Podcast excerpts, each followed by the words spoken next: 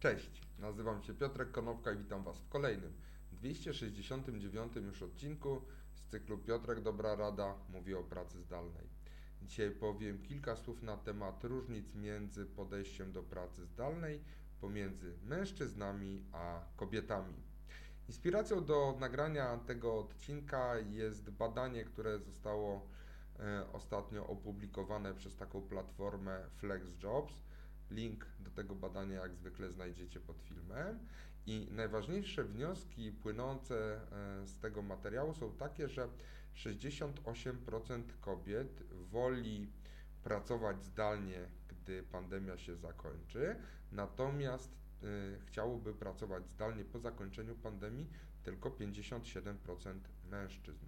Jeżeli natomiast mówimy o tym, kto jak postrzega benefit płynący z pracy zdalnej, to kobiety w 80% dostrzegają właśnie sam fakt pracowania zdalnego jako benefit w porównaniu do 69% mężczyzn. Co się okazuje? Okazuje się po prostu, że e, te nasze dwie płcie, mężczyźni i kobiety, inaczej podchodzą i inaczej postrzegają benefity płynące z pracy zdalnej. 70% kobiet mówi, że dla nich benefitem jest to, że nie muszą się ubierać y, elegancko do biura, w porównaniu natomiast do 57% mężczyzn. A 60% kobiet docenia to, że e, mają większą elastyczność w układaniu swoich harmonogramów w porównaniu do 48% facetów, którzy w ten sposób mówią.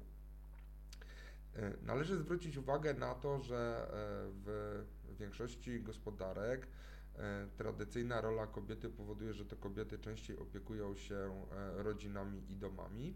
I ta pandemia pokazała, że po prostu kobiety są ciężej doświadczone tą pandemią, ponieważ przechodząc z pracy stacjonarnej do pracy zdalnej, nagle musiały równolegle zająć się zarówno pracą zawodową, jak i życiem rodzinnym, e, ale ta pandemia wyzwoliła tak naprawdę taki świeży start w dyskusjach związanych z opieką nad dziećmi, a ta opieka głównie, przypomnę, była przypisana najczęściej tradycyjnie do kobiet. Ale firmy zaczęły zastanawiać się nad tym, jak ulżyć pracownikom pracującym zdalnie, niezależnie od ich płci, jeżeli mają wokół siebie dzieci. Wiele mam zaczęło dostrzegać, że praca zdalna i w ogóle brak konieczności podróżowania do biura jest takim elastycznym sposobem na to, żeby znaleźć czas na zajęcie się rodziną i być może ten element zostanie włączony w nasze życie już po zakończeniu pandemii. E, ale jeżeli wrócimy do pracy i wrócimy do starego sposobu pracowania, takiej kultury mm, organizacyjnej związanej z fizyczną obecnością w biurze.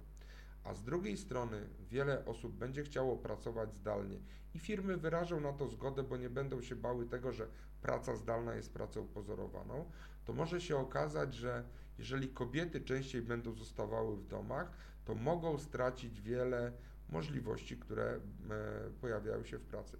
Dlaczego tak to jest, e, tak to się dzieje? Ponieważ rzeczywiście większość firm jest zbudowana na kulturze e, kontaktu interpersonalnego, fizycznego i nawet jeżeli te, e, e, to hybrydowe podejście do pracy będzie się, będzie możliwe do zrealizowania, to te osoby, które pozostaną w domu i będą pracowały zdalnie, po prostu wypadną z, ze wzroku, wypadną z horyzontu który jest dostrzegany przez pracowników pracujących stacjonarnie w firmach. Co to może spowodować? To może spowodować, że będą problemy z podwyżkami czy z awansami w ramach organizacji dla tych pracowników, którzy pracują zdalnie, bo ich po prostu nie będzie widać. To może spowodować, że kobiety na przykład, e, które będą chciały opiekować się rodzinami i nadal będą chciały pracować, E, będą doświadczały tego braku awansów częściej, a to jeszcze może bardziej poszerzyć problem związany z różnicą w poziomie wynagrodzeń między mężczyznami a kobietami. Także zastanówmy się nad tym, jak skorzystać z elementów, które pojawiają się w pracy zdalnej, tych, które są korzystne, a jak wyeliminować te rzeczy, które mogą przynieść nam więcej szkody niż pożytku. Dzięki serdeczne, do zobaczenia i usłyszenia w poniedziałek. Na razie.